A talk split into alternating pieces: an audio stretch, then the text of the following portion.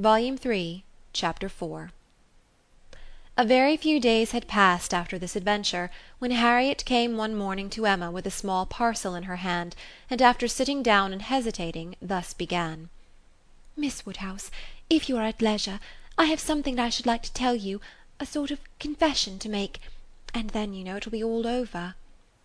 Emma was a good deal surprised, but begged her to speak. There was a seriousness in Harriet's manner which prepared her, quite as much as her words, for something more than ordinary. "It is my duty, and I am sure it is my wish," she continued, "to have no reserves with you on this subject. As I am happily quite an altered creature in one respect, it is very fit that you should have the satisfaction of knowing it. I do not want to say more than is necessary. I am too much ashamed of having given way as I have done, and I dare say you understand me." "Yes," said Emma. I hope I do." "How could I so long a time be fancying myself cried Harriet warmly.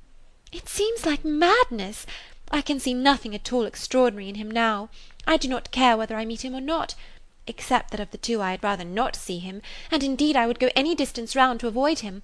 But I do not envy his wife in the least. I neither admire her nor envy her, as I have done. She is very charming, I dare say, and all that, but I think her very ill tempered and disagreeable. I shall never forget her look the other night. However, I assure you, Miss Woodhouse, I wish her no evil. No, let them be ever so happy together, it will not give me another moment's pang. And to convince you that I have been speaking truth, I am now going to destroy what I ought to have destroyed long ago, what I ought never to have kept. I know that very well," blushing as she spoke. However, now I will destroy it all, and it is my particular wish to do it in your presence, that you may see how rational I am grown. Cannot you guess what this parcel holds?" said she with a conscious look. "Not the least in the world. Did he ever give you anything?" "No, I cannot call them gifts, but they are things that I have valued very much." She held the parcel towards her, and Emma read the words "Most precious treasures" on the top. Her curiosity was greatly excited. Emma unfolded the parcel, and she looked on with impatience. Within abundance of silver paper was a pretty little Tunbridge ware box, which Harriet opened. It was well lined with the softest cotton, but excepting the cotton Emma saw only a small piece of court plaster. "Now," said Harriet, "you must recollect." "No, indeed, I do not." "Dear me! I should not have thought it possible you could forget what passed in this very room about court plaster, one of the very last times we ever met in it. It was but a very few days before I had my sore throat, just before Mr. and Mrs. John Knightley came, I think the very evening. Do you not remember his cutting his finger with your new penknife, and your recommending court plaster?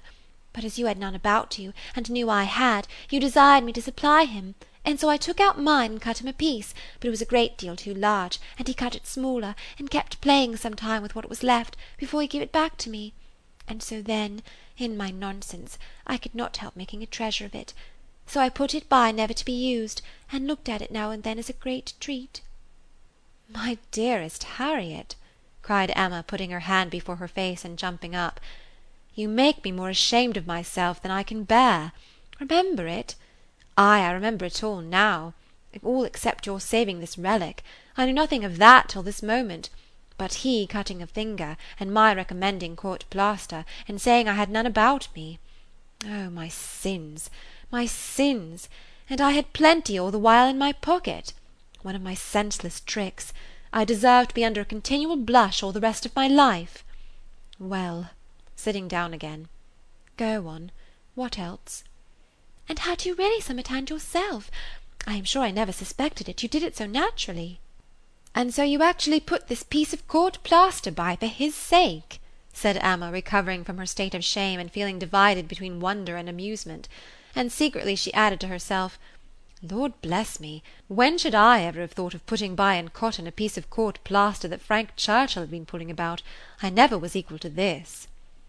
"Here," resumed Harriet, turning to her box again, "here is something still more valuable I mean that has been more valuable because this is what really once did belong to him, which the court plaster never did."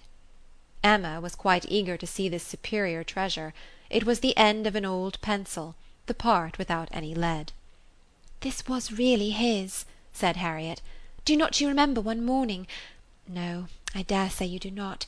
But one morning, I forget exactly the day, but perhaps it was the Tuesday or Wednesday before that evening, he wanted to make a memorandum in his pocket book. It was about spruce beer. Mr. Knightley had been telling him something about brewing spruce beer, and he wanted to put it down, but when he took out his pencil there was so little lead that he soon cut it all away, and it would not do, so you lent him another, and this was left upon the table as good for nothing. But I kept my eye on it, and as soon as I dared, caught it up, and never parted with it again from that moment." "I do remember it," cried Emma. "I perfectly remember it. Talking about spruce beer. Oh yes, Mr. Knightley and I both saying we liked it, and Mr. Elton seeming resolved to learn to like it too. I perfectly remember it. Stop! Mr. Knightley was standing just here, was not he? I have an idea he was standing just here." "Ah, I do not know. I cannot recollect. It is very odd, but I cannot recollect. Mr. Elton was sitting here, I remember, much about where I am now." "Well, go on." "Oh, that's all. I have nothing more to show you or to say, except that I am now going to throw them both behind the fire, and I wish you to see me do it." "My poor dear Harriet! And have you actually found happiness in treasuring up these things?" "Yes, simpleton as I was; but I am quite ashamed of it now, and wish I could forget as easily as I can burn them. It was very wrong of me, you know, to keep any remembrances after he was married; I knew it was, but had not resolution enough to part with them." "But, Harriet, is it necessary to burn the court plaster? I have not a word to say for the bit of old pencil, but the court plaster might be useful." "I shall be happier to burn it," replied Harriet. "It has a disagreeable look to me. I must get rid of everything. There it goes, and there is an end, thank heaven, of Mr. Elton." "And when?" thought Emma, "will there be a beginning of Mr. Churchill?" She had soon afterwards reason to believe that the beginning was already made, and could not but hope that the gipsy, though she had told no fortune, might be proved to have made Harriet's. About a fortnight after the alarm, they came to a sufficient explanation, and quite undesignedly. Emma was not thinking of it at the moment, which made the information she received more valuable. She merely said, in the course of some trivial chat.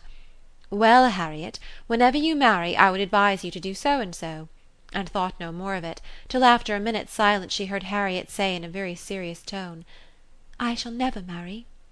Emma then looked up, and immediately saw how it was, and after a moment's debate as to whether it should pass unnoticed or not, replied: "Never marry? This is a new resolution." "It is one that I shall never change, however." After another short hesitation. I hope it does not proceed from I hope it is not in compliment to Mr. Elton." "Mr. Elton, indeed!" cried Harriet indignantly. "Oh no!" and Emma could just catch the words. "So superior to Mr. Elton." She then took a longer time for consideration. Should she proceed no farther? Should she let it pass, and seem to suspect nothing?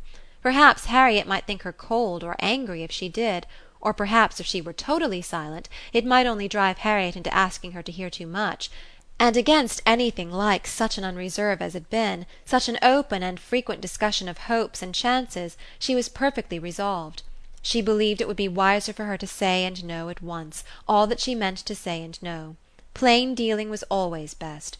She had previously determined how far she would proceed on any application of the sort, and it would be safer for both to have the judicious law of her own brain laid down with speed.